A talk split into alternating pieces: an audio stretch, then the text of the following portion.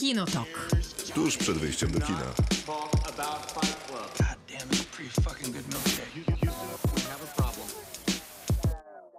Krzysztof Majewski.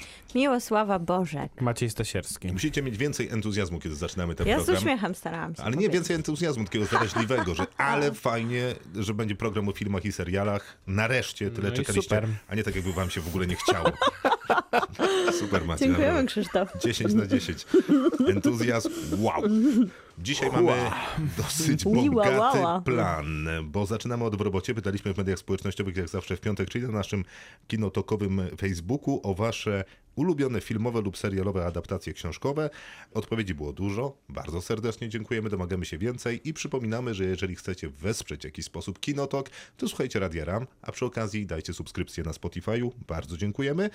Będziemy recenzować, a w zasadzie wy będziecie Maciej i Miłka.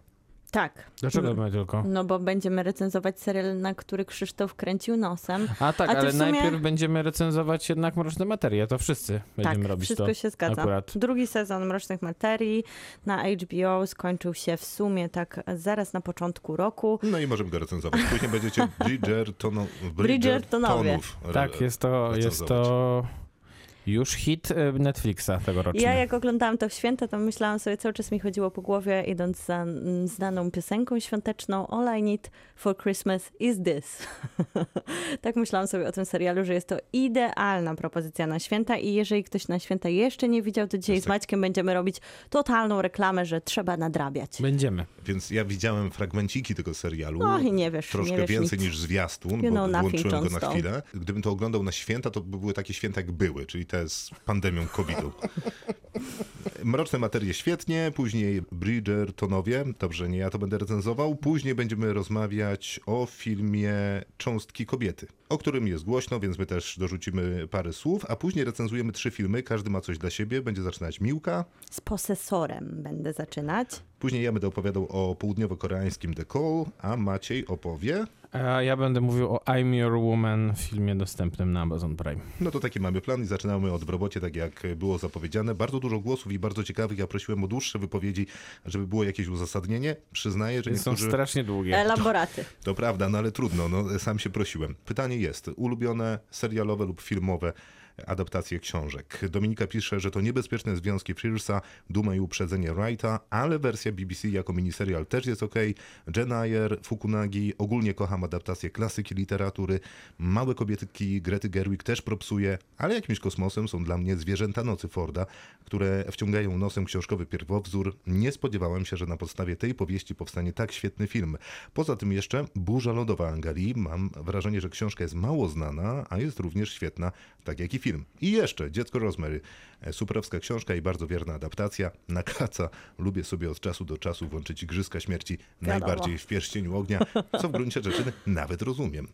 E, Przemyślenie Maniaka pisze, że ostatnio właśnie Mroczne Materie, mm, o których będziemy dzisiaj rozmawiać i to za moment. Książki Pullmana do dziś uwielbiam i uważam za jedne z najważniejszych w moim życiu, a twórcy serialu nie tylko świetnie je zaadaptowali, ale i rozwinęli sporo wątków. Na minus chyba tylko Lin Manuel Miranda, która moim zdaniem trochę gubi się Totalnie. Przepraszam. teksańskiego aeronauty. Pewnie słuszna decyzja. Zdecydowanie wolę wersję filmową w wykonaniu sama Eliota, no ale kto by nie wolał wersji filmowej, kiedy jest tam sam Elliot. E, I jeszcze Przemyślenie Maniaka mówi o Watchmenach Damona Lindelofa. To oczywiście serial, który nadal można oglądać na HBO Go. Ta grafika, którą wrzuciłem, to jest kadr z filmu e, Atlas Chmur sióstr Wachowskich na podstawie książki Davida Michela i Przemyślenia Maniaka też się odnosi do tego e, filmu, który moim zdaniem jest fatalną adaptacją i zupełnym niezrozumieniem książki Davida Michela.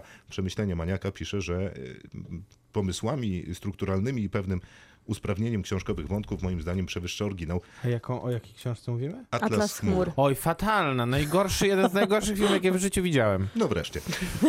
Ale, a Rant Maćka. Zdecydowanie polecam książkę. Paulina, przede wszystkim ostatnia Anna Karenina. Po pierwsze dlatego, że Kira Knightley, rozumiem, a po drugie pomysł ubrania konwencji, konwenansów i reguł, które ograniczają bohaterów w metaforę teatralną uważam za wspaniały. Dodatkowo wizualnie wysmakowanie, wizualne wysmakowanie tego filmu i jego choreografia są dla mnie tak zachwycające, że nie potrafię tego ubrać w słowa.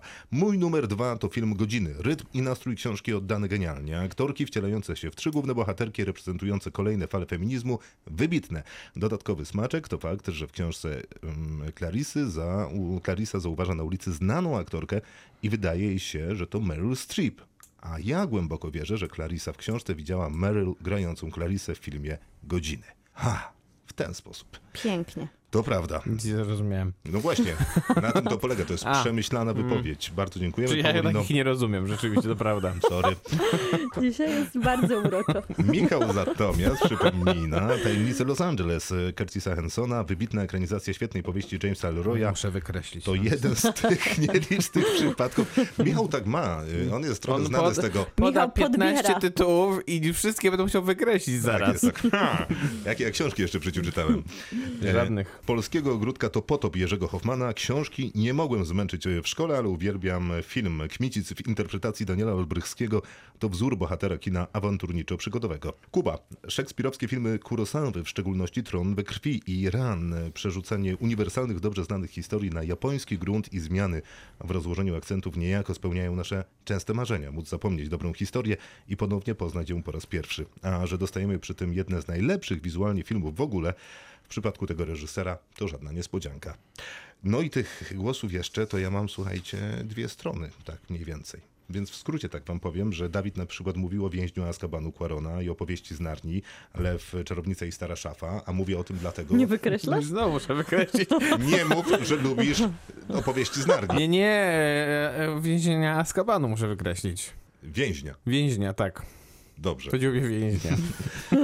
Dagmara mówi y, o Przeminęło z, z wiatrem, całkowicie oddaje sprawiedliwość powieści, a że jest to kultowy film ponadpokoleniowy, unieśmiertelnia literaturę. No tak, ale jest trochę kontrowersji wokół tego filmu, ale Jak i samej książki. Jak i samej książki, no ale też wie, wielka bitwa o jedno słynne przekleństwo, e, które się w tym filmie pojawia e, i faktycznie jest tam i to chyba pierwsze było filmowe przekleństwo w ogóle w historii kinematografii, z tego co pamiętam. Harry Potter zdecydowa- zdecydowanie, mówi Beata, pewnie myśląc też o więźniu Azkabanu, ale wspomina Władcę Pierścieni, nawet Hobbita, e, Stary w pustyni i w puszczy, Anię z Zielonego Wzgórza, Duma i Uprzedzenie i wiele A nie innych z filmów. Zielonego Wzgórza w sensie film też? Tak, z Megan Fellows. No, to stary, Stary dosyć. bardzo stary film. Ale wychowywaliśmy się na nim.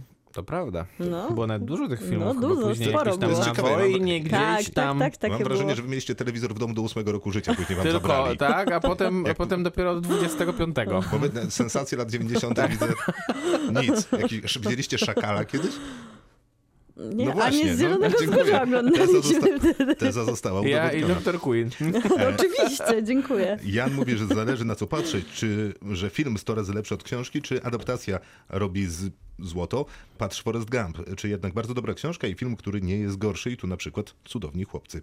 Marek może. Człowiek z Wysokiego Zamku, Domi mówi, że Ziemia obiecana, Aneta ogląda właśnie przypadek, y, ciekawy przypadek Benjamina Batona po raz któryś e, za charakteryzację jednego aktora i efekty specjalne. Książka to krótkie opowiadanie, może dlatego reżyser miał dużo miejsca na własną wizję. Zdaje się nawet, że trochę za dużo.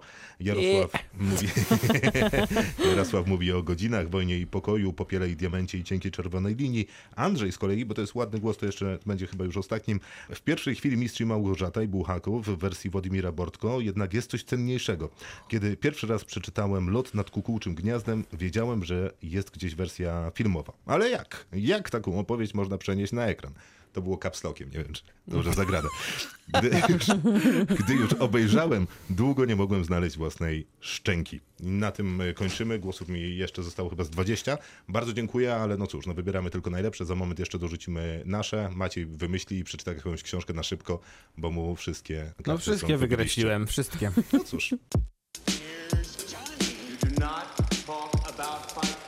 Kinotok. Film. Czas na nasze polecenia, rekomendacje, wybory, jeżeli chodzi o ulubione adaptacje filmowo-serialowe książek. E, Kto będzie zaczynał? Ja mogę, ponieważ ja tym razem nie trzymam się własnych zasad i nie mam jednej pozycji, mam dużo. O proszę. No Mam proszę. dużo. No, No to to dajesz. proszę. No to dobrze, no to czekajcie, bo mam Król. dużo. E, przepraszam. No nie. Będę zaczynał, Maciek wykreślaj. będę zaczynał od takich... Muszę, muszę zacząć wykreślać, więc mów, no. A, Mhm. no to bierzemy się. Zacznę od takich mniej dla mnie istotnych istotnych, ale na przykład wydaje mi się, że naprawdę bardzo udaną adaptacją e, książki jest Jonathan Strange and Mr. Norrell. To serial, Wspaniała. który został przygotowany przez BBC. Wspaniała jest to naprawdę adaptacja. świetna produkcja i bawi mnie doskonale. I to jest jeden z tych przypadków, kiedy przeczytałem książkę po tym, jak z, obejrzałem serial, a książkę przeczytałem, to też jest mocno naciągana teza, ponieważ przeczytałem może z 6 stron, no dobra, może z, z 50, ale nie da się tego czytać, po prostu się nie da. Natomiast serial jest wspaniały, więc naprawdę doskonała ro- robota w adaptacji i to kolejny przykład, że y, dzieło filmowo-serialowe może być lepsze niż książka. Jest też taka książka, która nazywa się strasznie głośno, niesamowicie blisko, Jonathana Safrana Foyera, Ym, też została adaptowana na film. I to jest bardzo dobry film i to jest bardzo dobra książka. I szczerze mówiąc, Jonathan Safran Foer ma bardzo specyficzny język, jeżeli chodzi o posługiwanie się takim językiem literackim. I to jest o tyle ciekawe, że udaje mu się zaadoptować ten trudny język Jonathana Safrana Foyera. Drugim takim filmem jest y, Wszystko jest iluminacją, bo to jest ten sam autor i ten sam problem. I też udany film, chociaż strasznie głośno, niesamowicie blisko, jest filmem lepszym. Kolejna taka duża rzecz, która mnie bardzo ucieszyła, to zupełnie przypadkiem obejrzana w telewizji i dokończona gdzieś indziej, szwedzka adaptacja Millennium Dziewczyny z tatuażem. Jest ta oczywiście Fincherowska. Ja za nią nie przepadam. Ja lubię. Ja też lubię. No, cieszy mnie to. Ja chyba też nawet lubię, ale w porównaniu do tej szwedzkiej po prostu przegrywa. No tyle. Być może dlatego, że szwedzka adaptacja jest wierniejsza książce, co nie zawsze jej służy, ale w tym wypadku i owszem. E, Dwa pierwsze Borny na podstawie Roberta Ludluma. Bardzo mi się nie podobały te książki. Naprawdę bardzo. Natomiast filmy są fantastyczne, a Matt Damon jest naprawdę doskonałym e, Bornem. Bardzo też lubię Władcę Pierścieni i naprawdę uważam, tak. że stary Tolkienowski Władca Pierścieni to jest piękna, mądra, wartościowa literatura, ale nudna jak flaki z olejem. Nie da się tego czytać w ogóle w żaden sposób. Natomiast film Jacksona ogląda się po prostu jak najpiękniejszą z baśni. A I- który? Najlepiej. No, naj... wielokrotnie się nad tym zastanawiałem i jednak pierwszy jest najbardziej jednak baśniowy masz rację. i I najbardziej zrealizowany. zgadzam się. Mimo, że bardzo... Podpisuję się. No bo drugi Tak. jest jedną wielką bitwą o Helmowy Jar. Nie ma Dokładnie, jest zdecydowanie za długo. w historii świata nie było tak długiej bitwy. Nuda. A To trzeci nie, z kolei to nie jest bawiłem To się świetnie. A trzeci z kolei ma 73 zakończenia. Dokładnie. Dokładnie tak jest. Ale gdybym miał wybrać taką... I dlatego dostał 11 Oscarów. Tak, najprawdopodobniej. No to nie, tyle co każde, Titanic, nie? po Tak. jednym. Y, Natomiast y, taką A, Titanic ma dużą przyjemność adaptacyjną sprawiają mi wszystkie adaptacje książek Cormaca McCarthy'ego. W sensie wszystkie są ciekawe, bardzo niewiele jest udanych. Tak się składa, że udane są tylko te, którzy zrobili bracia Cohen. Najlepszy to, to nie jest kraj dla starych ludzi. No i dobra, Cormac wykre- wykreślanko. Mhm. Absolutne mistrzostwo. Ale książka jest trudna do przeczytania. Mi się nie podobała. W sensie A, tak, tak, ja tak, nie lubię tego języka zupełnie. Bo widzisz, bo w tym wypadku wydaje mi się, że to nie jest najbardziej udana książka Cormaca McCarthy'ego, ale najbardziej udana jego A, adaptacja. okej. A moim zdaniem najbardziej udaną, czyli najbardziej złą, kleistą, nieprzyjemną, niechętną i książką, którą należy spalić jest y, Dziecię Boże i też była... y, Była adaptacja Jamesa Franco. Dokładnie. Beznadziejna, no po prostu do granic Ale możliwości. s- myślę, że całkiem udana jest też adaptacja Drogi. Drogi. Też tak Yy, uważam. Z tak. Viggo Mortensenem. Tak. A propos Władcy Pierścieni. Koniec listy? Tak, dziękuję. To, To była ja długa teraz. lista, naprawdę, szok. To moją ulubioną adaptacją jest Wada ukryta Kiedyś Tomasa książek O, brawo! I ko- to, to jest w ogóle dla mnie taki szok, że ja przeczytałam Wadę ukrytą Pęczona i była to literatura, którą nie wyobrażałam sobie, że można sfilmować. Ona jest tak zagmatwana, pełna dygresji, tak zanurzona w popkulturze, że wydawało mi się, że no i w sumie tak ją czytaliśmy, że z włączoną Wikipedią należy czytać i szukać tych wszystkich odniesień. Dosyć chaotyczna i nagle Pynchon siada z Polem Thomasem Andersonem, piszą razem scenariusz z książki, która no jest zupełnie szaloną zabawą literacką i wychodzi z tego zaskakująco udane spojrzenie na ten chaotyczny, szalony tekst i ono jest zabawne, błyskotliwe, z surrealistycznym poczuciem humoru i zadziwiająco wydaje mi się, że w przeciwieństwie do pierw- pierwowzoru jest dla każdego ten film, a książka jest zupełnie dla wybranych nielicznych, którzy więcej? Pinchona, e, Pinchona szanują. Film, jedyny chyba film Paula Thomasa Andersona, który nie dostał w Polsce dystrybucji Dokładnie. kinowej, co jest największym skandalem I wydaje mi się, że ostatniego właśnie- dziesięciolecia. I bardzo słusznie, że to y, przypominasz, bo, to, pra- bo moim zdaniem to jest najlepszy film, jaki y, zrobił, a już na pewno najbardziej do ludzi, No więc właśnie, Dokładnie. najbardziej do ludzi. go jest I szaleństwem. wydaje mi się, że właśnie dystrybutorzy się przestraszyli Można było go obejrzeć tego na dużym ekranie, tylko na Nowych festiwalu, Horyzontach. Tak. Później Chyba. przez chwilę Były był jeszcze na HBO specjalne. Go, można było ukry wadę ukrytą oglądać, trzeba sprawdzić, bo No, to są film. jeden z tych... e, Wybitny. Tak, Mhm. Wspaniały film. e, Bardzo też lubię Jonathana Glazera i Pod skulą. Michael e, Faber napisał książkę, która była takim ekologicznym manifestem. Bardziej skupiała się na tym, że ludzie jedzą mięso, tak jak obcy, którzy przylecieli i ich pożywieniem są ludzie. Zupełnie coś innego robi z tym Jonathan Glazer, więc e, tak naprawdę zupełnie odchodzi od pierwowzoru i chyba bardziej się skupia na tym swoim film? Under Your Skin pod skórą. Też nie Z, miał e, dystrybucji kinowej z, zresztą. Scarlett Johansson. Ale to wygrało roli przecież głównej. chyba jakiś festiwal. Ale nie miał w Polsce dystrybucji takiej normalnej. Musiał mieć, bo... Nie miał. No bo wygranie festiwalu zapewnia dystrybucję. Wydaje mi się, że miał e, i był przez chwilę w kinach. Ale dobra, nie kłóćmy się o to. Trzeba to Pokłócimy się sprawdzić. później, nie ma w ogóle Dobrze. problemu. I, I to jest e, bardzo ciekawe właśnie takie spojrzenie na książkę i przeczytanie jej w bardziej taki teledyskowy, glazerowy sposób, a seriale to Expanse, który udowadnia, Wow, że można mówić... Tak, tak. Naprawdę? Jestem, teraz jestem na czwartym tomie, Czy to więc... e, kara? Nie, to jest wspaniała zabawa. No Polecam tak, ale- wszystkim Jamesa Ace Kore, Kore, Korea, jeżeli Ale z tego, co Nie. zostało napisane, można sobie dom zbudować. Można, można spokojnie. Podobnie jak z Księgi Czarownic, którą też szczerze O. polecam. I to jest właśnie ta książka, która podobnie jak Expans udowadnia, że można coś zrobić bez kiczu, na poziomie, na poważnie, potraktować literaturę. I Księga Czarownic trochę jak czysta krew wyprzedza oryginał. Tutaj czysta krew no zupełnie wyprzedza oryginał, bo to jest książka, której nie da się czytać. Zwłaszcza bardzo poważnie scenarzyści potraktowali i postacie, i dialogi, czego książka nie robiła, bo wszystko tam jest pretensjonalne. Normalni ludzie i No, trzeba No oddać... course, musiało być. I trzeba oddać oczywiste, oczywiste honory, których nie było zadziwiająco w komentarzach, czyli niemożliwą do zrealizowania epicką literaturę i ekranizację gry o tron, bo uważam, że jest to wielkie i jeszcze to, że Wyprzedziło Pewnie. swój pierwowzór i napisało same dwa Miałem tu ostatnie sezony. I jeszcze na koniec Ale tylko póki jest adaptacja. Uwielbiam Anne Rice i jej wywiad z wampirem i dziwne jest, że tylko jedna ekranizacja była, ale może na tyle dobra, że się Ale na tym wszystko zamknęło. Ale po tym, jak to zrobiła, to napisała jeszcze przecież całego RPG. Ona tak, RPG, tak, ona też, ona też napisała mnóstwo innych rzeczy. Chciałbym tylko zaznaczyć, że A to był problem chyba produkcyjny, były z tym filmem Oni duże strasznie mieli i... przerzucenia pomiędzy różnymi. Najpierw tam był Paramount, później Myślę, Lomar, że, myślę, że oni Bros. zrezygnowali po prostu chciałbym z tylko tego. zaznaczyć, że ostrzegałem, że to ja będę mówił długo, wyszło, wiecie, jak zawsze, Maciej. No to ja nie będę jakoś bardzo oryginalny wobec swoich wyborów dotychczasowych. W sensie tak, ja bardzo lubię czytać książki Agaty Christie. Uważam, że niestety one nie dostały zbyt często do, za, dobrzy, za dobrych adaptacji, ale jest e, z jednej strony jest wyśmienity serial produkcji ITV bodajże, którym gra Herkulesa Poirot, taki, taki brytyjski aktor David Suchet. To jest bardzo dobre i to I- często leciało w polskiej telewizji. Rewelacyjny Tak. serial i jest to jedyny serial, którym udało się zaadaptować wszystkie opowiadania, powieści i różnego rodzaju inne, inne formy wyrazu, które zastosowała Agatha Christie dotyczące tego, tego detektywa. A lubisz Morderstwo w Orient Expressie e, Kenneta Branaugha? Lubię, ale lepsze jest To jest e, niewiarygodne, że on zrobił tylko jeden dobry film. Sydneya Lumeta. Nie, on E, robił całkiem niezłe te Szekspiry swoje na Nie, początku nie, Szekspir kariery. były nie, nie najgorsze. Natomiast lepsze jest morderstwo w, w Orient Expressie z lat 70. Sydneya Lumeta, gdzie główną tak. rolę gra Albert Finney. Tutaj Kenneth Branagh obsadził samego siebie, wyposażył się w jakieś takie kuriozalne wąsy. To był duży problem, uważam. Dobra, co tam E, jeszcze? To jest z jednej strony. A z drugiej strony oczywiście są tamte dni, tamte noce. Film, który jest znakomity i książka Andra Simona, która jest beznadziejna. Z najgorszym polskim tłumaczeniem, jakim może być, bo y, Later mówi bohater grany przez Armiego Hammera w y, filmie, Tak.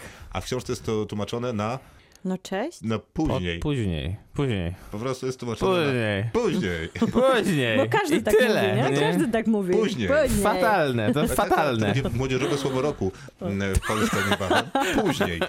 Natomiast Maciej, ty masz, y, tak bardzo lubisz i film, i książkę, że masz tatuaż związany. Tak, nie, czy, ja w książki w ogóle nie lubię. Tak bardzo lubisz film i Tak. przeczytałeś w związku z powyższym książkę, tatuaż zrobiłeś. Tak, i boję się, boję się czytać następną książkę, bo em, słyszałem o niej złe rzeczy i myślę, że będzie pewnie ją adaptował Luca Guadagnino niedługo. Z takich filmów to jeszcze em, Tajemnica Brokeback Mountain, to jest e, opart, film oparty na takim, takiej krótkiej książce, właściwie opowiadaniu Ani Prul, która dostała zresztą za to chyba Pulitzera. I jest to znakomity film. Angali zresztą. Film o parze kowbojów, którzy... e, Kowbojów, można tak powiedzieć? To są, to są kowboje. Kowbojów, tak. Wszystko się zgadza. Którzy To- się to w jest sobie zakochują i nieakceptowalne społecznie. Trudna miłość, bym powiedział. Trudna, to prawda. No i y, dwa takie filmy, które łączą się ze sobą jakby... Jeden to nie jest żadna adaptacja do końca, ale z drugiej strony nie, ciężko o nim nie wspomnieć. Z jednej strony to jest musical Mary Poppins oparty na, książ na książkach Peel Travers, a z drugiej to jest...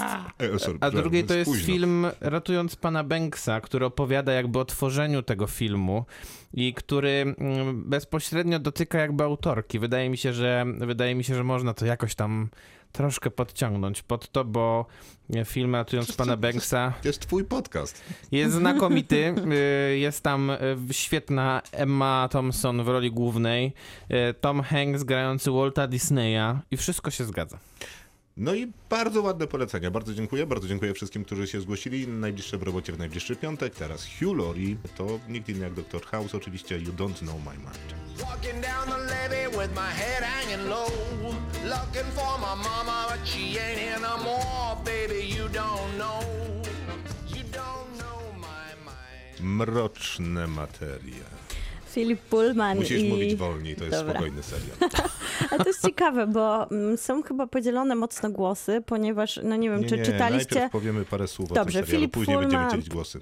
Filip Pullman i jego Mroczne Materie to jest adaptacja już drugiego tomu, bo też drugi sezon. Opowieści bardzo fantastycznej, która konstruuje takie wspaniałe światy i odkrywa je tak, jak należy w fantastyce, czyli główna bohaterka przez nie podróżuje. W pierwszym sezonie robi to sama, w drugim Lyra Belakła ma towarzysza i dochodzą kolejne przygody i kolejne światy, na których koncentruje się ten sezon, bo ten pierwszy koncentrował się bardziej nawet na świecie, który jest nam znany, bo trochę mieliśmy Londynu i Oksfordu, a teraz Ale w w drugim takim sezonie innym świecie, tak, tak, tak. równoległym. I to, Równoległym. co istotne dla tego świata, to to, że są tam daimony, czyli taka zewnętrzna dusza manifestująca się w postaci jakiegoś zwierzęcia, które też się manifestuje w pewnym naszym wieku, jakoś tam Jako- ostateczną formę tak. przybiera. Mamy też, to jest ważne, w takim fantastycznym świecie mamy czarownice, mamy wielkie niedźwiedzie polarne, które, Które stanowią mówią- osobny gatunek. I noszą zbroję. I Tak. mówią dużo. Są wielkimi U wojownikami, nas, u nas też chyba stanowią osobny gatunek. e, ale nie? tak bardziej nawet osobny gatunek od, jakby mamy ludzi, czarownice i niedźwiedzie polarne. A, że taki jest podział tak, sił. Tak, taki podział sił. I w tym wypadku jeszcze, kiedy przenosimy się w drugim sezonie do kolejnych światów, mamy trochę nowych, złych. Pojawiają się tak naprawdę takie nie do końca dodefiniowane Jak potwory. Dementorzy. No ale jakbyś ich, de- jakbyś dementorów dodefiniował. To chyba, a Phil- Philip Pullman to napisał wcześniej, czy niż Philip Jo- Pullman? J.K. Rowling, czy to tak mniej więcej w tym samym A czasie nie było wiem. robione? Nie, Kiedy wcześniej, pierwszy Harry wcześniej. Potter wyszedł? No jakoś tak końcówka lat 90. To to Pullman tak samo. Aha, no to, no to widzisz. No, No to, to właśnie tylko nie wiem. chyba, chyba J.K. Rowling więcej zarobiła kasy na tym. Może znalazł, pewno. może znalazł tę serwetkę, na której notowała e, całego pierwszego Harry'ego Pottera, jak to mówi legenda miejska. Mi się to kojarzy, słuchajcie, tak naprawdę z losami i tym dymkiem, który Dobrze, jest dymek, który wysysa szczęście z człowieka i zjada Nawet mu, życie zjada, bardziej. Duszę mu zjada. Tak, zjada mu jest, duszę. Jest tak. No i jest, i jest dalej e, Lyra Belakła ma za sobą całą trupę, która podąża, kierowana miłością, ale mniej lub bardziej em, toksyczną, bo podąża za nią matka. Po, to nie jest zdrowa relacja. To nie jest zdrowa relacja. Podąża za nią Auronauta, o którym dzisiaj był wspominany. To też nie jest zdrowa relacja. Tak, on nie, też. nie, ona jest w ale ogóle niezrozumiała dla mnie. Wszystkie te relacje napędza miłość do tego niesamowicie wyjątkowego dziecka. A ona podąża za ojcem. i, Nie wiadomo, co ją napędza. To jest też Natomiast niezdrowa w relacja. drugi, jest. I natomiast w drugim sezonie ma e, kolegę Willa, Tak. Tak. który ma niewiarygodny artefakt. Lyry niewiarygodnym artefaktem jest no, tytułowy złoty kompas. E, Lyry złoty kompas, A. Willa e, taki wspaniały nóż. I Will też szuka swojego ojca w sumie. To Tak. prawda, to prawda, ale skuteczniej. I jest jeszcze A tu taka... chciałabym sprostować, że tak naprawdę Mhm. James McAvoy, czyli Lord Asriel, który jest ojcem Laury, naszej bohaterki, Mhm. miał mieć zupełnie więcej sekwencji i całe dwa odcinki więcej miały być, ale to właśnie pandemia bo mówię, że dokładnie prostujesz? E, No, dlatego, że mówisz o tym, że Will jakoś łatwiej mu było ojca znaleźć, to też Aha. dlatego, że produkcja nie mogła pozwolić Laurze spotkać się z ojcem, ponieważ pandemia pokrzyżowała plany i z 10 odcinków tylko 8 powstało. Siedem. 8, To gdzie jest ósmy? 7? Siedem, no. No to miało to aż trzech zabrakło i tam właśnie sam Jace McAvoy miał się pojawić miało się go pojawić O dużo ja. więcej i miał też Jak miał dobrze, że się nie pojawił. Miało to ja, też- ja, ja lubię Jamesa McAvoya. Ja też Co- co- co- Znaczy, dobrze, że nie ma tych trzech dodatkowych odcinków, ten A, serial. Tak, to prawda, Troszkę to prawda. myślę, że nie- Natomiast jeszcze z ciekawostek, znaczy jedną mam, mam tylko ciekawostkę. Tak, ciekawostka polega na tym, że Mroczne Materie i być może to jest ich największy problem, są jednym z trzech seriali produkcji HBO, które i BBC. bardziej HBO, bo na tym to polega, które dostały klasyfikację Mature Audience y, TV, w sensie, nie, w sensie nie dostały, bo wszystko inne było dla dorosłej publiczności Czyli to przez jest dla HBO robione. Tak, a to jest dla dzieci i młodzieży y, serial. I co prawda głównymi bohaterami są y, dzieci i młodzież, natomiast zdaje się, że to nie są jednak mm, opowieści z Narni, Nie. tylko znacznie poważniejszy i bardziej mroczny serial, nawet tytuł na to wskazuje. I gdyby być może pozwolono sobie na nieco odważniejsze sceny, bardziej stanowcze, to ten serial byłby lepszy. No i tu jest pytanie właśnie o tym, mówię, że dzieli się publiczność na tych, którzy Pullmana, bo czytaliście Pullmana Mroczne Materie? Ja czytałem tylko pierwszy tom Złoty Kompas, y, a później zacząłem czytać coś innego i nigdy nawet się nie dowiedziałem, że był drugi aż do wczoraj. No i właśnie chyba problem polega na tym, że tutaj showrunnerzy, a tak naprawdę jeden showrunner, czyli też reżyser przy okazji, Jack Fron i, i przy okazji scenarzysta, zdecydowali się na takie jeden do jednego oddawanie książek Pullmana. I ci, którzy... strasznie zajęty człowiek, ten A jeżeli Jack Thorne, chodzi bo... o tak po sprawę, to tak. pisze co drugi serial, mam wrażenie.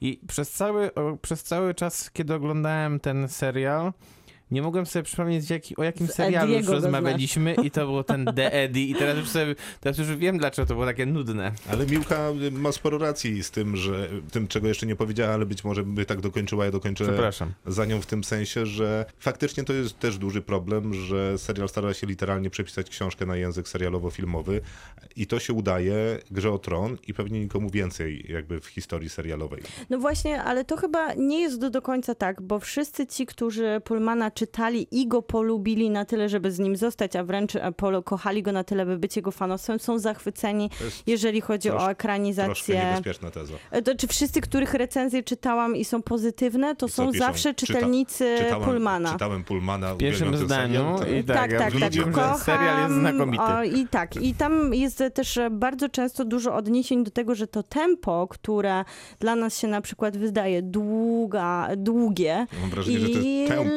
lekko. że to nie jest tempo, tylko tempo. To ten na przykład e, jest to jeden do jednego przełożenie z książki i co zadziwiające, bardzo często padają słowa, że dzieje się tam bardzo dużo, więc wydaje mi się, że może być Czyżby? też problem podążania tak naprawdę za tą narracją, nie mając kontekstu książki, bo ja mam na przykład troszkę problem z tym, dlaczego Laura, Lyra jest takim wyjątkowym dzieckiem, bo ciągle to nie do końca jest wyjaśnione. Nie no, jak to nie? Czy wiemy, że jest, e, wiemy, że jest pe- pewna przepowiednia, która mówi o tym, że ona zmieni losy świata.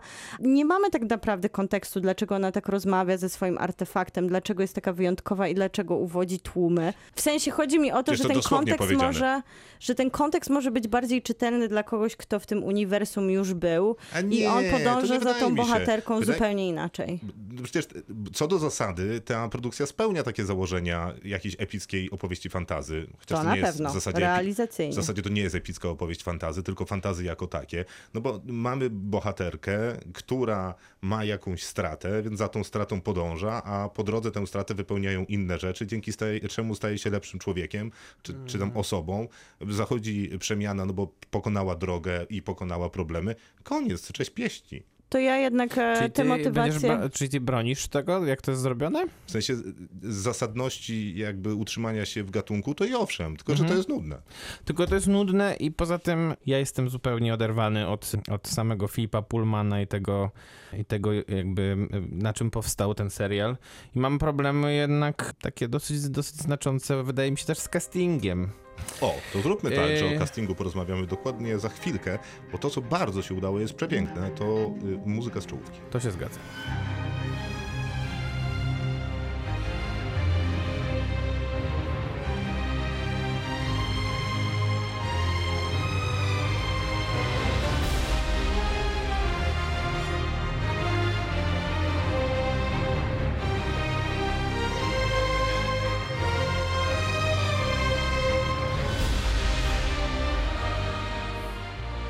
Ten serial był taki jak ta muzyka, ło, to by było.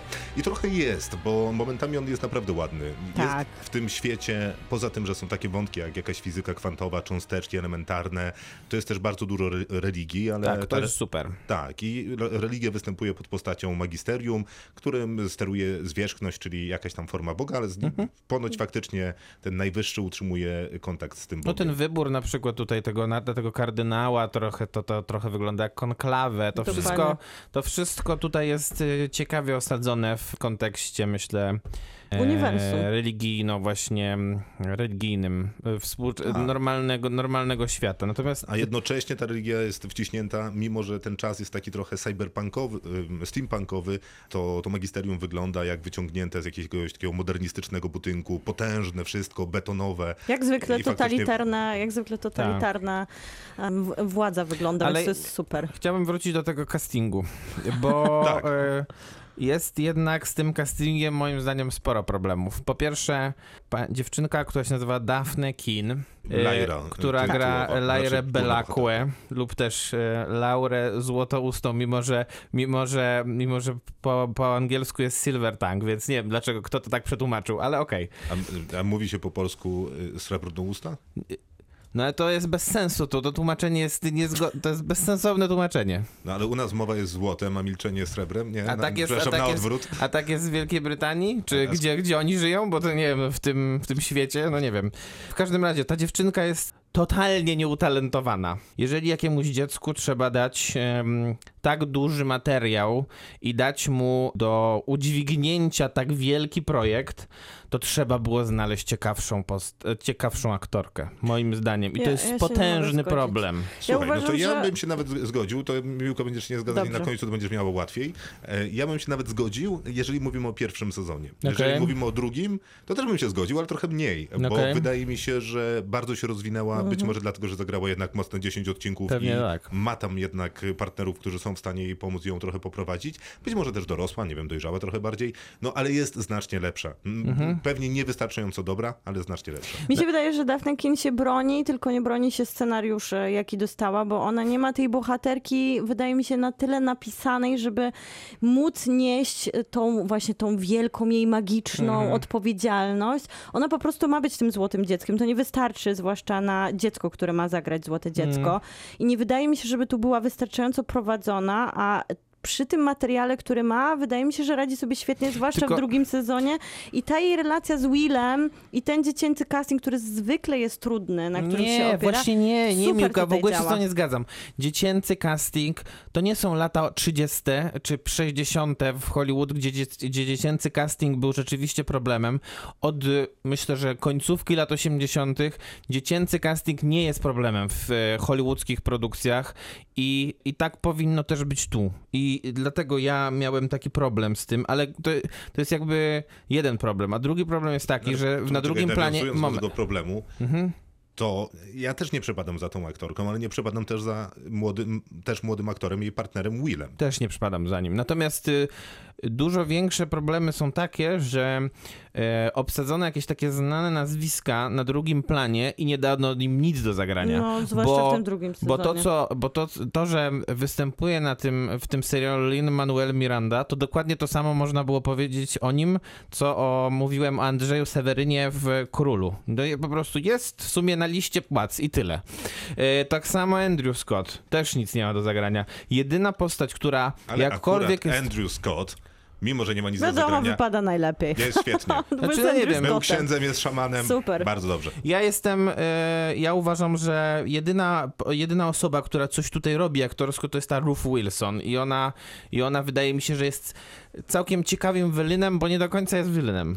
Ale ona I- trochę w drugim sezonie jest przeszarżowana dla mnie. Może dlatego, że właśnie ten sezon jest jakoś tak dziwnie poprowadzony. Nie, Nie, nie, aktorsko nie. nie. Jako postać po prostu ma... A, przestaje być e, autentyczna, Tak, przestaje być autentyczna, bo aktorsko Ruth Wilson sobie radzi świetnie i to jest chyba właśnie problem tego serialu, dlaczego ja bro- bronię Daphne Keen, Mhm. bo tutaj wydaje mi się, że ci aktorzy trochę samopas są rzuceni w ten świat, w którym te role nie są do końca wyjaśnione i oni niosą na Nie, no barkach słuchajcie, Wiecie, no jak trochę mogą być takie, niewyjaśnione no, role? Dostajesz tak, patrząc książkę, na motywację Ruth książkę. Wilson, my jesteśmy trochę zgubieni.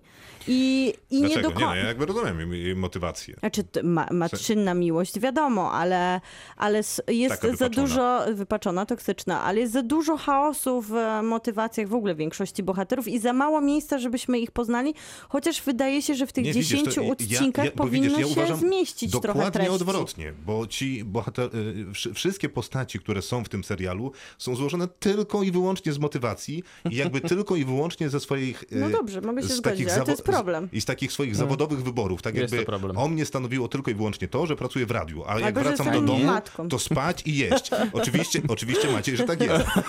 Ale w tym seri- po to oglądam seriale, żeby zobaczyć, że życie może wyglądać inaczej. Rozumiem i A dlatego wybraliśmy Mroczne Materie, serial o dwóch, czy trzech, czy 44 światach. Tak, i, i ci ludzie nie robią nic innego, poza tym, że są zmotywowani do tego, żeby I wypełnić najlepszym misję. przykładem- Nawet Frodo i Bilbo, e, e, Frodo, Frodo i Sam, i Sam. Frodo i Sam mieli czas, e, czas Byli na to, bardziej czas na to, żeby misji. zrobić sobie potrawkę z królika e, Mhm. z Golumem. I niech oni chociaż raz jedzą I ja się potrawkę. no. I z tobą Bez się zgadzam i chyba być. najlepszym przykładem Nie, jest nie nowa jedzą. bohaterka, która się pojawia w drugim sezonie, czyli pani doktor z Oxfordu, która pod koniec błąka się bez celu po tej krainie, do której trafiła. Jest prawda. nie dość, że kolejnym Ale bohaterem, proponuje który... kawę. No, tak, i Więc- ciasteczka, które są zepsute, bo już są za stare, żeby je, żeby je nawet e, No, no, no tak, i nie macie trochę y, takiego, nie wiem, bo ja pałam Nie ma tu oddechu. No. Nie ma. Nie A ma. Ona jest jedynym pewnie oddechem w tym, e, tym drugim sezonie. Bo I- wszystko jest takimi wielkimi literami napisane. I wszystko tutaj musi być ważne. Każda ta scena. Jak się pojawia ten teren stamp na przykład, czyli ten e, e, e, strażnik miecz e, tego noża. Miecza, nie wiem. Noża. Noże no, to jest to jednak, nożyk noże. taki mały raczej. Ale to jest już chyba... noża. Taki, taki nożyk raczej do chleba. E, Ale to jest no jednak Pullman, to ktoś to wymyślił, w sensie myślę, że... Ale co, ten nóż? No ten nóż, bo on jest jakimś takim mało e, widowiskowym W sensie, bo- artefaktem. Totalnie, totalnie. Może, a, prostu mo, może, nie jest, no. Może akurat morsował. No ja myślę, że ten serial ym, ma dużo, jakby widać w nim dużo roboty z, włożonej, ale e, no, mnie nie zainteresował po prostu. Mi się bardzo podobają te fantastyczne światy, w których się, do Pięknie których się przynosi. pięknie wyglądają. Tak, wyglądają. pięknie. I to jest ta cała Wspaniałe robota. są te demony, które wyglądają idealnie, po prostu jak taki produkt, który można by było jak Disney sprzedawać jeszcze No poza... każdy by chciał mieć takiego Damona, jak ma ta e, Laura, Laura Belakwa. Tylko Każdy by postaci chciał. są bym nie męczące chciał w tej takiego. historii. A jakiego i... byś chciał? Takiego jakiegoś... jakiegoś wilka. Ale, No, ale to jak masz do wyboru takie niż... I e, Brisa. Ale możesz mieć zawsze takiego kurczę, na przykład jakąś taką jaszczurkę, którą ma ten kardynał. No to też jest taki. Kochałbym I, i ją jak, dlatego ten wiesz, świat jest wspaniały i własną. brakuje tu Rozumiem. postaci, słuchajcie, i brakuje też mitologii, która by nas uwiodła, bo tu nie ma tej A mitologii. ja nie wiem, czy nie ma akurat mitologii. Bo Przynajmniej wydaje jej mi się, nie że, czuję. że jest. No, no ale jest tam jej dużo. No przecież sama mówiłaś o gadających niedźwiedziach i, No tak, i tylko- czarownicach, i one są, są tajemnicze, są dosyć ciekawe. Teraz pojawiają się jeszcze takie natistoty, więc już w ogóle super. Ale ta mitologia bardziej opiera się na, lau- na Laurze Belak, Belakła i jej drodze ku No nic. wielkiej Czemuś. zagadce. No tak, to prawda. No, Zwłaszcza ta zagadka już chyba została rozwiązana. Maciej, y, twoja ocena? 6 na 10. Zrozumiałem. Miłka? Mm, To będzie 7 na 10, bo ja jestem zachwycona realizacją tutaj jednak. I ja 6 na 10 mimo wszystkich tych wad, ta realizacja jednak No jest, robi realizacja robi robotę Dużo. Chociaż rzeczywiście. naprawdę trudno się to I ta, I ta Ruth Wilson naprawdę super.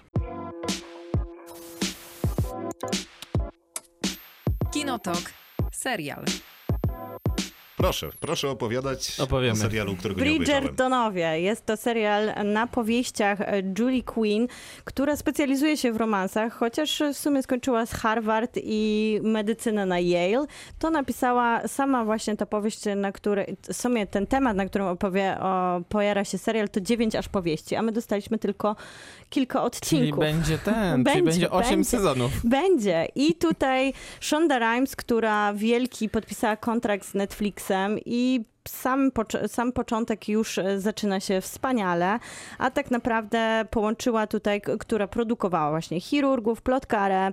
em, i The tutaj, Scandal. Tak, skandal. I I, How to tutaj Get Away with Murder. Dokładnie. I tutaj połączyła trochę Z czym? Czy Em, Getaway? S- z Sposób na morderstwo to się nazywa po polsku. I wyda- wydaje mi się, że tutaj zadziałały wspaniałe połączenia, które działają na linii tego, co łączyło widownię i łączy do dzisiaj z chirurgami, czyli takich miłosnych perypetii, które są dobrze rozpisane i takiego seksapilu bohaterów. Mamy tutaj świetnie zaadaptowany motyw e, z Plotkary, czyli z Gossip Girl, gdzie narrator jest zagadką i opowiada nam Bije się mikrofonem w głowę. ale em, uważam, że to jest naprawdę świetny pomysł, bo Jest dobry nie pomysł. dość, że jest plotkara już ma trochę status kultowego, jeżeli chodzi o seriale, to wykorzystanie takie jeden do Będzie jednego nowa chyba. będzie nowa, tak. I będzie nowe Seks w Wielkim Mieście, 10 dodatkowych odcinków, to ale. I troszkę z jednej strony I taką... przyjaciele, 12 nowych sezonów. A to jest jeszcze właśnie niepotwierdzone. I mamy troszkę taką scenografię, która świetnie się sprawdziła w Emmie w zeszłorocznej, ale treści się może nie sprawdziły, ale kostiumy, wyczucie stylistyki.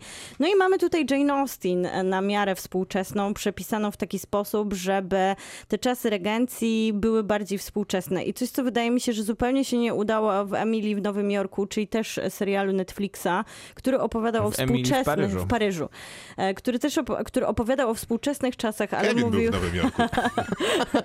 ale mówił to w dosyć taki stereotypowy sposób, to tutaj mamy ten Londyn i czasy regencji, ale serial potrafi mówić nawet o seksie w taki sposób bardzo współczesny, oddając głos kobietom, mówiąc o sytuacjach, których zwykle w kostiumowych narracjach się nie podejmuje. No i to, To co... samo mówiliśmy o ilu już filmach.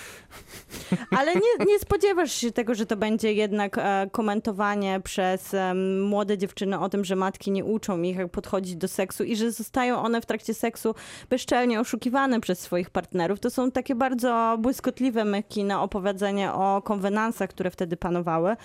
A z drugiej strony mamy też bardzo ciekawe podejście do tematu, które budziło dosyć sporo kontrowersji, jak zobaczyliśmy trailery, czyli obsadzenie czarnoskórych em, aktorów w rolach książąt i hrabiów. Co I tak naprawdę i królowej. Ale jest to, to tak naprawdę bardzo um, zakorzenione w historii, bo tak naprawdę wiele historyków zadaje nie pytanie, czy żona szalonego króla Jerzego Nie, nie. III Mm. Miała w sobie afrykańską krew. Wyglądała, znaczy No, wygląda jak inaczej. Grała ją Helen Mirren też, więc raczej nie, nie.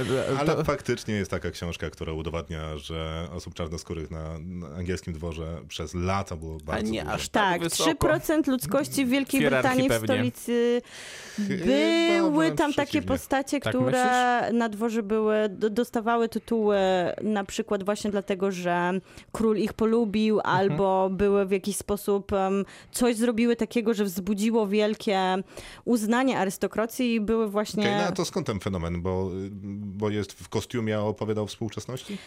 Nie, da, dalej się koncentruje, ale po prostu my, wydaje mi się, że jest to wspaniale zbudowane na takich chwytliwych elementach. Jest też świetny młody casting, Po który pierwsze, działa To jest idealnie. absolutny trash. Yy, I yy, że i- badziewie. jest to absolutne Guilty badziewie pleasure. i guilty pleasure, tylko że jest to strasznie dużo pleasure i bardzo mało guilty. A taki harlekin, że... Yy, I jest to taka melodrama, bo to tak chyba wyglądają te książki tej Julie, Julie Quinn, która yy, jest Amerykanką i stwierdziła, że jest ekspertką od brytyjskiego dworu, ale yy, no to się super ogląda, bo to Tak. po prostu płynie i yy, te relacje pomiędzy bohaterami są bardzo e, dobrze skonstruowane. Ten casting młody jest znakomity, Znakomity. Poza, poza księciem, który jest katastrofalny, ale... e, Podobno bukmacherzy, głównych bohaterów. podobno bukmacherzy obstawiają, że będzie nowym Bondem. O, jest, jest najgorszy, jest naprawdę. Widziałem tego księcia, no to wygląda jak książę. Wspaniale wygląda, jest cudowny. Wygląda wspaniale. Romans między nimi wydaje mi się bardzo autentyczny, aż A poza tam tym- wibruje. A poza tym ten, ten narrator to jest Julie Andrews. I to wystarczy, moim zdaniem, żeby temu, bo sam jej głos, którego jest dużo w tym serialu, bo ona jednak czyta tą swoją kronikę, która wychodzi, tą plotkarską kronikę, która wychodzi codziennie i którą wsz- czytają wszyscy ludzie na tym, na tym I która dodaje takiej dynamiki, że tu kogoś obrazi, tam kogoś podbije w hierarchii społecznej. No jak nie ma kogoś w tej, w tej kronice, no to go można, to właściwie go nie ma po prostu. I, i, i myślę, że to działa. nabiera bardzo Słuchajcie. dużej dynamiki. A poza tym je, widać, widać, że jest dużo pieniędzy w Dokładnie. to włożone i te pieniądze zostały dobrze wydane, bo zostały wydane na efektowne kostiumy, które robią jednak też robotę jakąś tam fabularną. o których można Super. Poczytać. sprzedane, będziecie oceniać? Będziemy, ja dam 8 na 10. I ja daję 9 na 10. Ja dam 0 na 10. You do not talk about Fight Club. Kinotok. Film.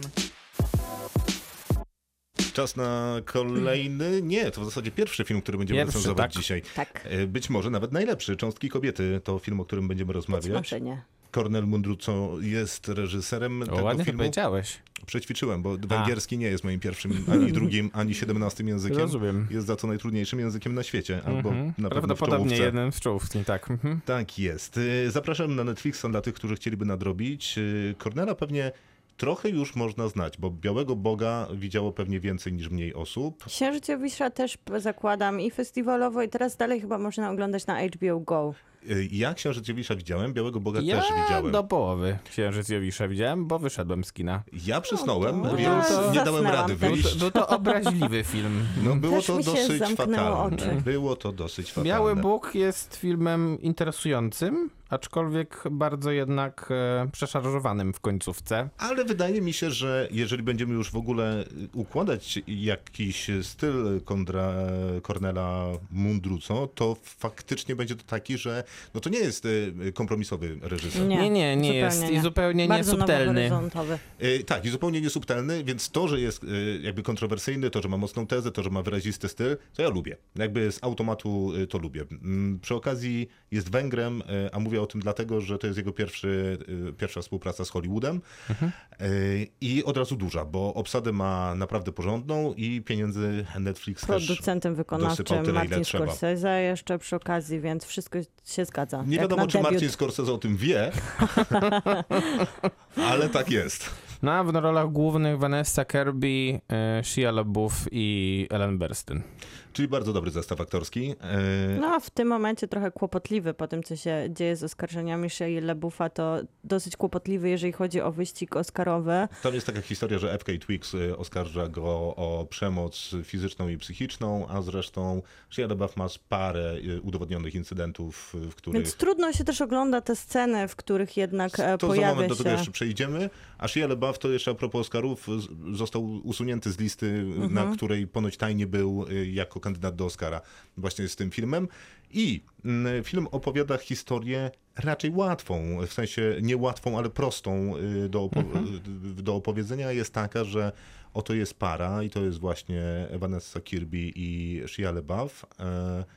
E, I ona jest w ciąży. I zaczynamy od bardzo długiej sceny porodu, e, bardzo naturalnej, zresztą na jednym ujęciu, prawie na jednym ujęciu, potem może są dwa cięcia jakieś, ale raczej nie Ale raczej No, bardzo subtelne, Mhm. tak. No i efekt y, tego porodu jest taki, że dziecko się rodzi, ale zaraz po tym porodzie y, umiera. I reszta filmu to jest w zasadzie opowieść o Vanessie Kirby i Shia LaBeoufie, którzy radzą sobie na swoje sposoby z żałobą po tej stracie. No, Myślę, że bardziej je, o I jej, o starają niej. się sobie poradzić ze sobą też również.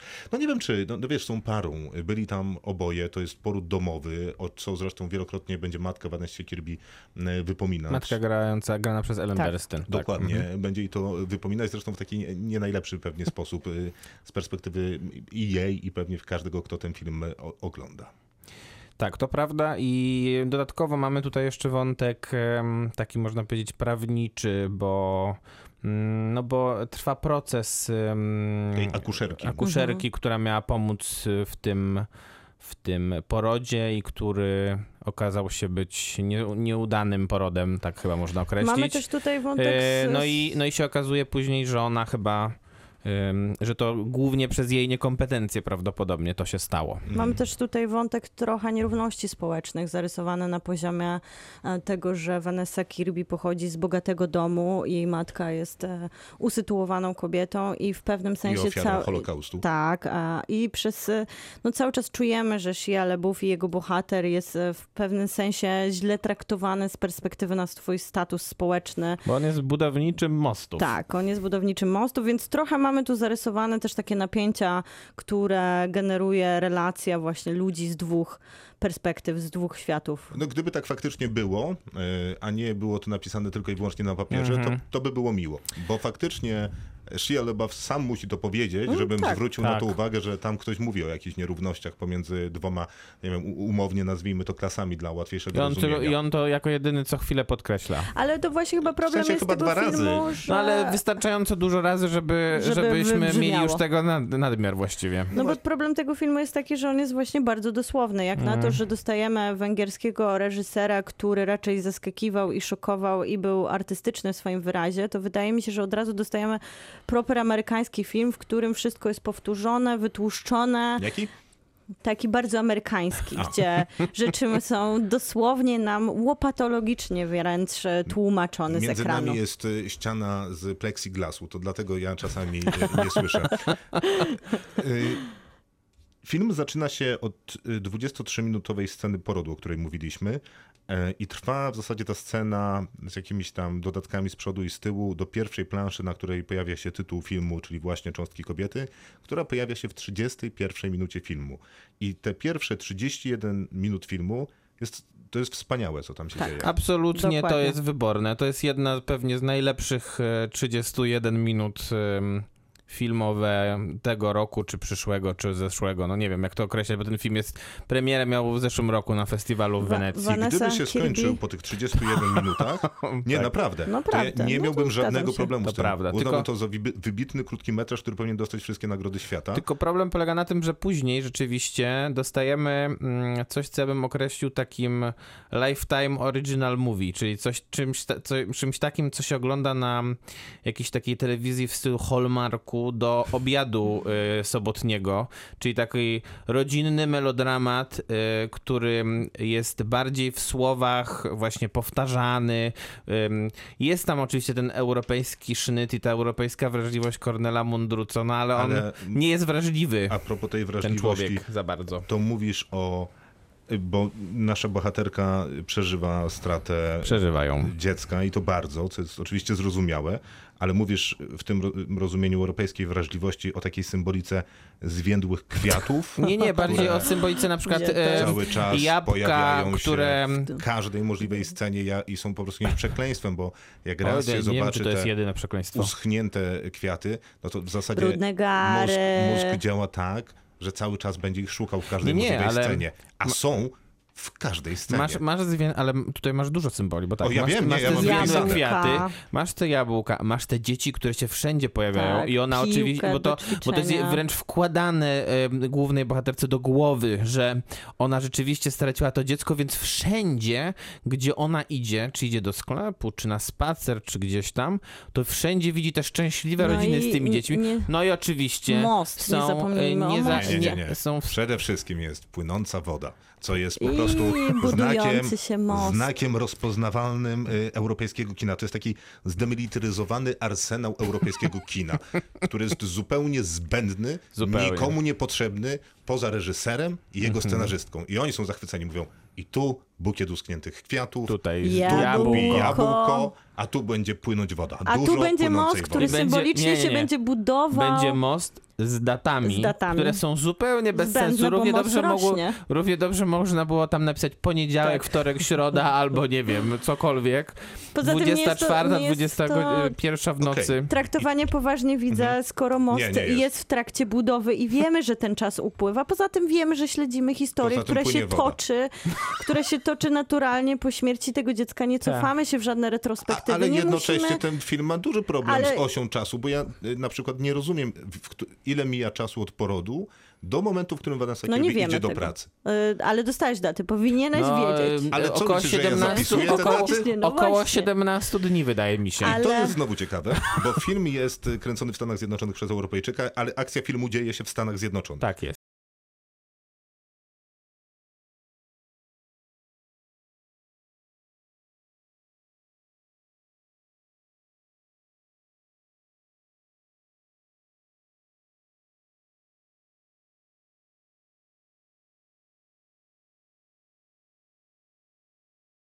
Nie, nie, ten no oczywiście, tam ja, fi, firma... bo- Możliwe, że miała urlop jakiś do odebrania. Giganci z, wielkie, z Wielkiej. Piątki na przykład te urlopy mają, może pracuje w takiej korporacji, ale to tak jeszcze a propos tej jakby dosyć trudnej historii, która jest Ale w ja Zjednoczonych z macierzyństwem do jako tej, takim. do tej sceny porodu, ponieważ e, czytałam wywiad z Vanessą Kirby i ona opowiadała o tym, że przygotowując się do tej sceny, starała się znaleźć jakieś filmy, które pokazywałyby scenę porodu i nie ma takowych, przynajmniej ona tak, takich nie znalazła, filmowych odniesień, bo znalazła trochę filmów, w których można podglądać faktycznie kobiety, które udostępniły gdzieś swoje podrody. Nie, I no z był drugiej strony jest, jest coś ciekawego, że ten poród, zwłaszcza taki długi, sekwencja bardzo dosłowna, taka fizyczna, kiedy my czujemy się obok tej pary, jest też w jakiś dziwny sposób. em, porusza naszą sferę komfortu. Właśnie może dlatego, że często takich scen Znaczy, w kinie nie ma. pierwsze, I ja ja, się wrażenie- czułam e, bardzo emocjonalnie przejęta tym, że zostałam zaproszona do takiego miejsca. I wydaje mi się, że ten film przez tą scenę porodu stawia poprzeczkę tak wysoko, że to, co później dostajemy, chociaż Vanessa Kirby jako aktorka stara się nieść ten film do końca. Nie, nie, nie. Znaczy, e, Vanessa, co do Vanessy Kirby, to nie mam wątpliwości, że ona tutaj zagrała rolę wyśmienitą, więc to... ja też, e, to jest naprawdę i- To fenomenalna jest, rola. I tak samo, i tak Nawet samo, Shia LaBeouf i tak unosi samo. Ellen Burstyn, która ma dosłownie trzy sceny, w których mogłaby cokolwiek zrobić, w tym jedną scenę, która jest idealnie do wycięcia na, e, do klipu oscarowego i za, ten, za tą jedną scenę, kiedy ona opowiada swoją historię e, związaną z, Holokaustem. przeżyciem Boże, Holokaustu, ta scena jest niesamowita ta zbędna. scena. Tak, Tylko, że po co ona jest? No, Taka zbędna jest ta Znaczy, scena. To, to jest dokładnie to, co buduje relację Vanessy Kirby z jej matką. Tak, nic. Nic.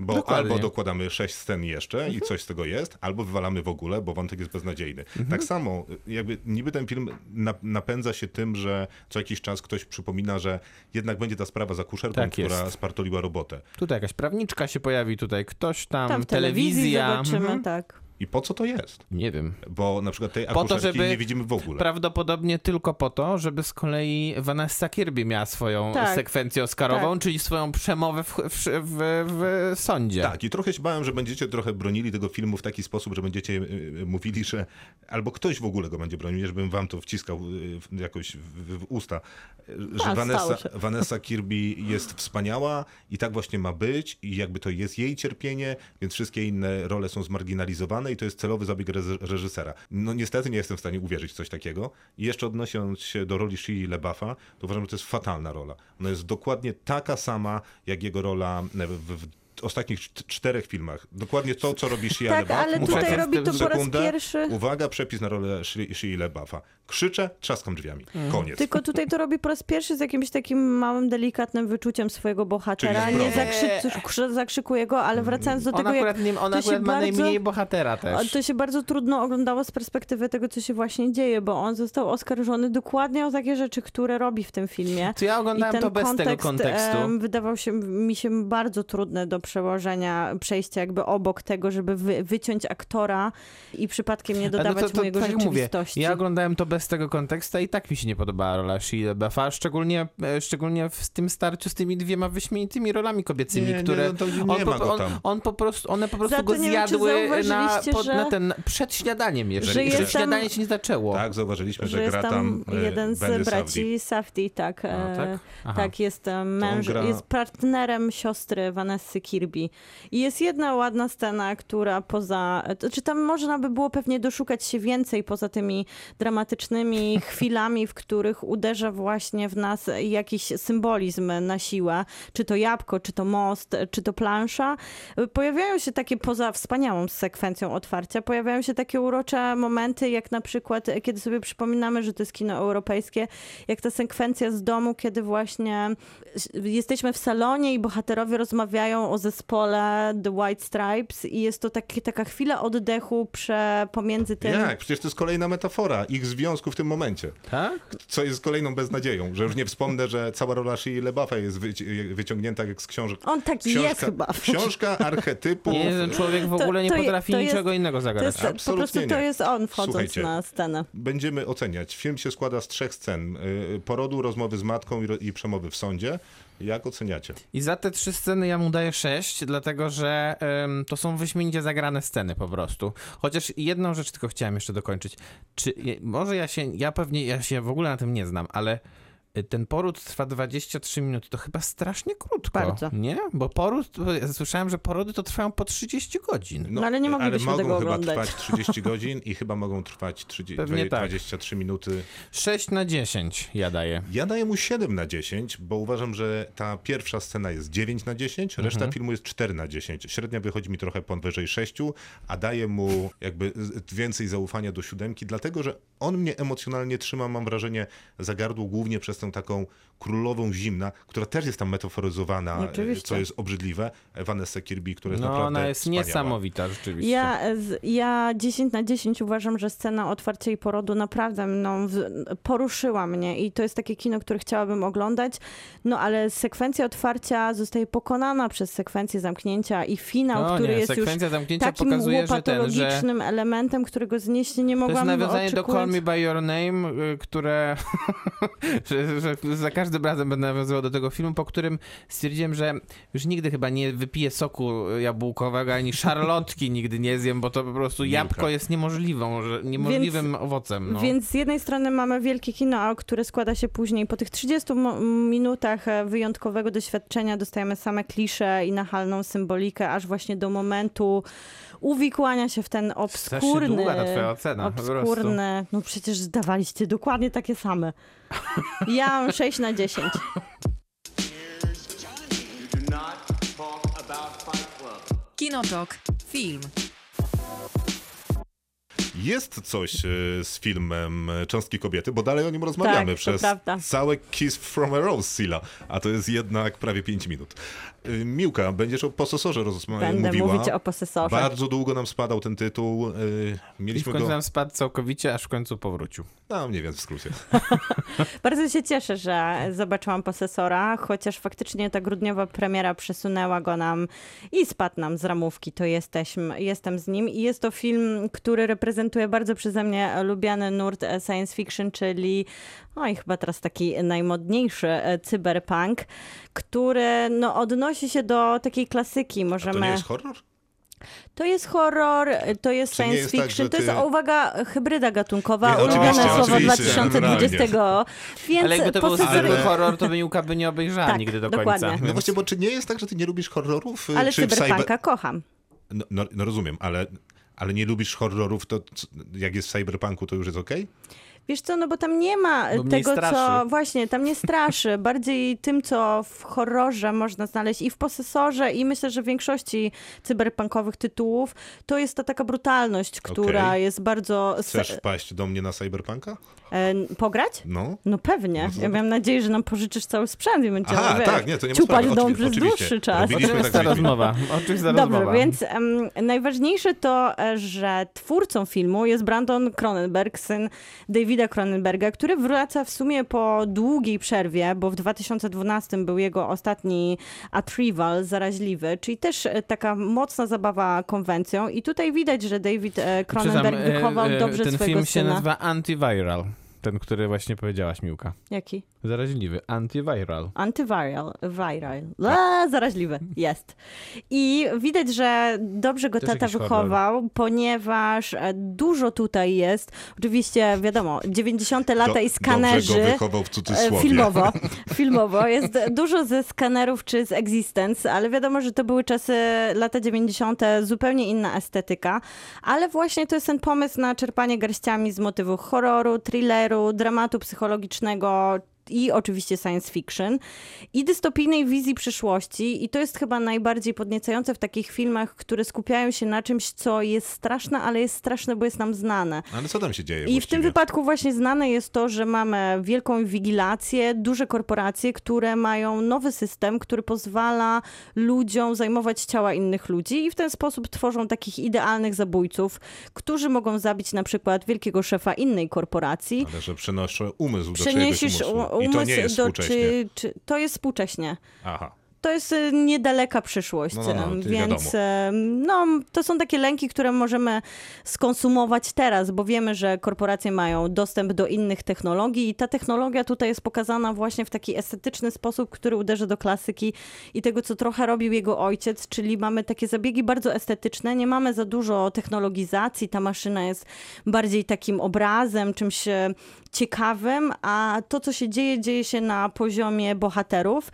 No i wspaniały jest tutaj casting, taki klasyczny indie casting, bo oglądamy Christo- Christophera Abbotta, którego ostatnio na AFF-ie bardzo dużo ludzi polubiło w Czarnym Niedźwiedziu, czy Andre Risenborough, która gra bardzo często właśnie w takich indie produkcjach, czy już dosyć starszą Jennifer Joyson e, Lewitt, która e, wspaniale tutaj gra e, taką nie do końca jasną postać, cudownie prowadzoną swoim głosem. No i mamy tutaj świetny twist, który, bo przez to, że nasza bohaterka, grana właśnie przez André Risenborough, jest tą tym asasynem, który przenosi się do umysłu innych ludzi, ona też traci trochę swoją tożsamość, więc oglądamy taką Wiadomo. walkę pomiędzy nią a jej nowo hostowanym ciałem. Dokładnie I- tak jest w grze Cyberpunk 2077. i, I tutaj mamy taki piękny twist, który przejmuje jakby vendetę ofiary i zamienia ją w oprawcę, więc finał jest dosyć zaskakujący, chociaż wydawałoby się, że gdzieś oglądaliśmy już te wszystkie motywy przenoszenia się w inną świadomość i w, ne- w ciało, nawet upgrade ostatnio z 2018 roku, te implanty, które się przenoszą, no i te kolejne Venom. ten kolejny film, e, filmowy element, który tutaj jest bardzo intensywny, to jest przemoc. Brawo. Ta przemoc jest e, pokazana wspaniale. Tutaj nie ma w ogóle żadnych CGI-ów. Wszystko się koncentruje na bardzo takich starych motywach e, czerpania filmowych.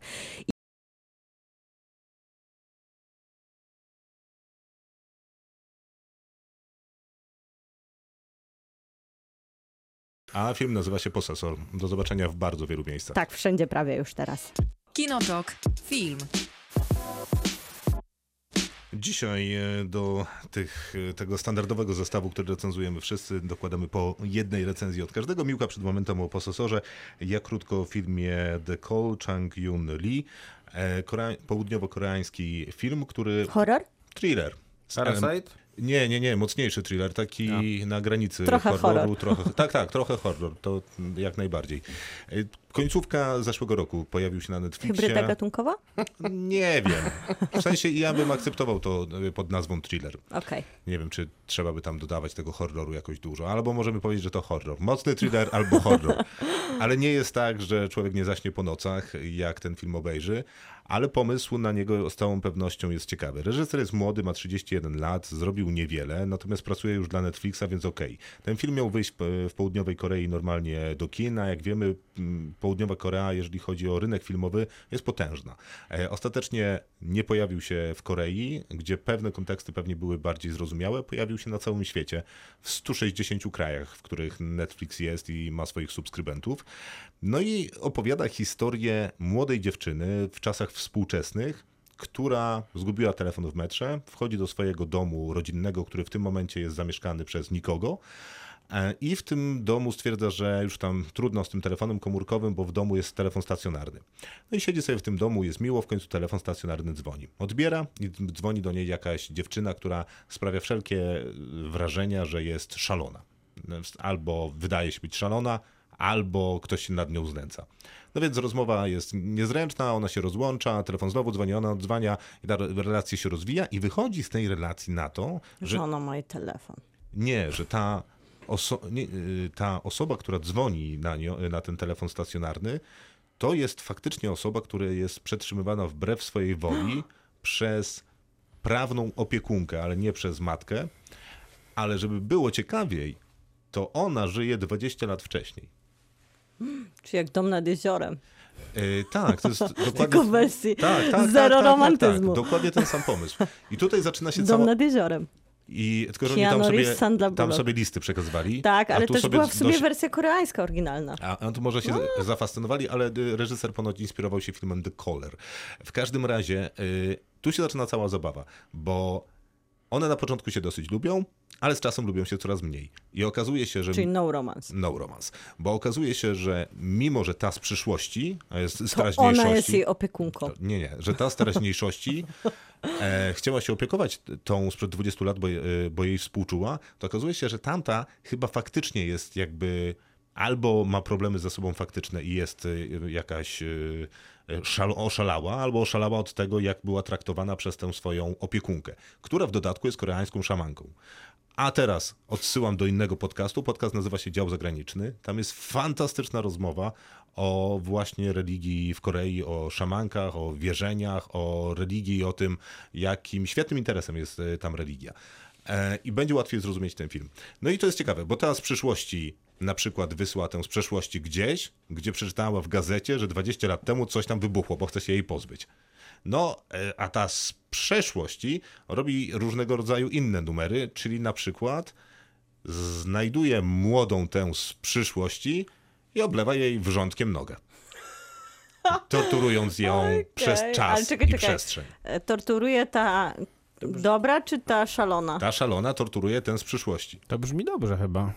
No pomysł jest naprawdę fantastyczny i zabawa tym pomysłem, e, tego połączenia przez telefon i wiedzy e, o pewnych zdarzeniach i informacjach w przyszłości i w przeszłości, no bo ta z przeszłości wie, kim jest jej rodzina i kim No, no. jest ta z przyszłości, a ta z przyszłości wie, co się wydarzyło i może jakby manipulować tą Ale jak ona ją poparzyła, to i nagle wychodzą Tak, tak, tak, tak, no, tak, dokładnie tak jest. ne, ne, ne. I ona i cierpi, i cierpi. To A krzyczy, bo dopiero Tak, Mimo, że pojawiają się blizny. To było Okej. takie, nie wiem, czy powinna cierpieć, no ale jakby dla dramaturgii filmu to jest całkiem niezłe.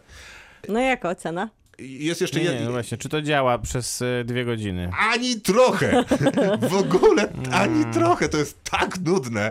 Koszmarna nuda. No droga przez mękę, torturę, jakby ktoś wrzątek nam nie lał. A genialny pomysł. No przecież i nawet sprawnie operuje tym pomysłem. Czyli podobnie I jak jakby cząstki dużo się kobiety, tam dzieje. 30 minut by było, byłoby super. No y, trochę tak, że y, faktycznie pomysłu, y, takiego zabawy, lekkości, sprawności reżyserskiej starcza na krótki metraż, a trwa to tam 2 godziny 7 minut i to jest Uuu. Absolutnie za dużo. Bardzo długo. strasznie. no. Bardzo długo. Ale 5 na 10 daje, dla, bo, bo naprawdę jest to, do, nie, jest to dobry pomysł i nawet się trzyma kupy, no ale no niestety straszliwie nudny i to- no, no zmarnowany. Kinotok. Film. A ostatni film, o którym. ym, Działa ci mikrofon? Jestem, jestem. Y, Ostatni film, o którym e, dzisiaj będziemy mówić, to jest film, który możecie znaleźć na e, Prime Video. Się nazywa I Am Your Woman. I e, jest to e, historia stylizowana trochę na. Tak przynajmniej, tak przynajmniej twierdzą dystrybutorzy, że ma być to jakiś neo-noir. Film opowiadający o kobiecie, która, która zostaje wrzucona w, w taką bardzo, bardzo trudną sytuację. Mianowicie, najpierw jej mąż, e, mimo że nie, mogą, nie mogą mieć dzieci, w pewnym momencie przynosi do domu dziecko i mówi: Teraz ty je wychowujesz, a ja idę do pracy. E, Po czym e, pojawia się, po czym ona już nigdy tego swojego męża nie zobaczy. E, bo w pewnym momencie pojawiają się jacyś jego wspólnicy i każą jej się pakować. I ma, ma się spakować w 15 minut. Poczekaj, ile mija od tego, kiedy on wychodzi do pracy, a pojawiają się wspólnicy? W filmie? No Jakieś 2-3 minuty. E, Tak, ale w tej rzeczywistości A w rzeczywistości to nie wiem, być, pewnie parę dni, parę miesięcy, nie jest to do końca powiedziane. Dziecko, na- dziecko w żadnym momencie jakby nie... Nie urosło. Nie, nie staje się, nie przestaje być niemowlakiem, więc Okej. przez cały czas jest takie małe bardzo w tym filmie. No i ona, em, e, i rozpoczyna się taka jej trochę droga w poszukiwaniu z jednej strony odpowiedzi na to, co się wydarzyło w ogóle z jej mężem. I ona na tej drodze poznaje jednego jego wspólnika, żonę tego wspólnika, dziecko tego wspólnika, dziadka tego wspólnika, po czym walczą, po czym rozpoczy- musi, musi walczyć o swoje życie, o życie tego dziecka. I jest to taki totalny... Czekaj, cha- A, a czemu walczy o życie tego dziecka? bo nie wiem, bo wywiązała się jakaś więź między, między nią a tym dzieckiem, mimo że ona nie jest jego matką. Jest to tak głupia historia. I jak nie jest jego matką, a to ten mąż y, z początku filmu... Przyniósł to dziecko Przyniósł dziecko. Domu. Nie jej E, dziecko. nie Nie, jej nie dziecko. ich dziecko. Nie, nie To jest, ich to jest dziecko. istotna Podrzucił informacja, jej- którą mam wrażenie, że została Nie, przegapiona. może Maciek to powiedział. ale ten, w sensie mówiłem, że e, nie mogą mieć dzieci i w pewnym momencie mąż wraca z pracy i mówi, że tutaj masz dziecko. No dobra, to y, a czemu będzie musiała walczyć o życie tego dziecka? Bo musi walczyć o też swoje życie, bo generalnie cały czas jej zagraża niebezpieczeństwo związane z tym, że jej mąż okazuje się być, o czym ona wcześniej nie wiedziała, e, mordercą na zlecenie, który zamordował jakiegoś jednego ze swoich szefów No to, i to, teraz wszyscy chcą się na nim to, zemścić. to trochę bracia Koani Fargo. Jest tutaj troszkę takich odprysków, rzeczywiście e, tego typu kina i tego typu seriali też. Natomiast, e, no niestety problem polega na tym, że tutaj nawiążę do tego, co Krzysztof mówił w poprzednim wejściu. m, Mamy film, który jest niesamowicie długi, jak na e, takie zawiązanie fabuły, bo trwa rzeczywiście dwie godziny ponad. Nie ma tam za bardzo nic, co można byłoby wcisnąć w te dwie godziny, a i tak one trwają. I, miło. I to, prawda? Zawsze super. Lubię takie seriale, które mają 13 odcinków, a mogłyby mieć dwa. Dokładnie. No i, no i mamy, no i oglądamy te zmagania tej kobiety. Nie wiadomo za bardzo, ona, ona do końca w pewnym momencie tak naprawdę się nie dowiaduje niczego do końca. I ja nie za bardzo wiem, po co ja ten film obejrzałem i po co ludzie mają oglądać ten film, bo nie ma w nim też e, żadnych wielkich fajerwerków, nie wiem, aktorskich. Gra w nim główną rolę aktorka Rachel Brosnahan, znana z wspaniałej pani Maisel. I, Też e, na, i, też, i, też, I też zresztą na Amazon, e, na Prime Video dostępny serial. No i co? No to, to, że, to, że w tym serialu ona śpiewa i czy tam, e, czy tam opowiada dowcipy, a tutaj jest e, to jakaś taka poważna, dramatyczna rola miałaby być. Tylko, że no jakby rola jest w porządku, seria, film jest nudny i nic za sobą nie, nic za sobą nie wniesie i tyle. I taki to był właśnie seans fantastyczny, który... ja odpowiem tylko na twoje pytanie, że obejrzałeś to po to, żeby inni nie musieli. Tak, więc nikt nie musi więcej ocena? tego oglądać. Ze względu na to, że ona jest dobra i klimat w sumie jest jakiś tam wytworzony, tylko że lepiej byłoby jakby go zmieścić właśnie w 30-minutowym krótkim metrażu, To to dam mu przekleństwo. 5 na 10. To nie tak źle. To nie tak źle, no. Krzysztof Ale nudy. bardzo dziękuję. Miłosława Bożek, dziękuję bardzo. Maciej Stasierski, dobranoc. Y, Ten program nazywa się Kinotok, jest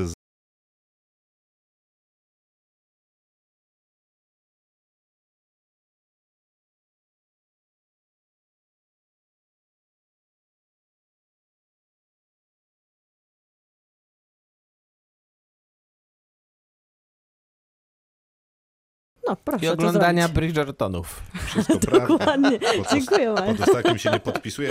Y, Zawsze nam jest miło, kiedy jest więcej osób na Spotify'u. Tam jest taki guzik subskrybuj. Zajmuje to dwie sekundy razem z odblokowaniem przy rozpoznaniu twarzy te, telefonu, żeby kliknąć ten guzik, bo to zajmuje dużo czasu, mi się bardzo długo ładuje. Co takiego? Odblokowywanie twarzy telefonem. czwarta. A, jest rozumiem. U mnie też, bo czasem trzeba przeczyścić coś tam. Nie wiem, dlaczego to czasem nie działa. U mnie nie działa, bo wyłączyłem ostatnio, A, rozumiem. o czym zapomniałem zresztą. To jest też To inna pewnie sprawa. utrudnia. Dobrej nocy. Kinotok. Tuż przed wyjściem do kina.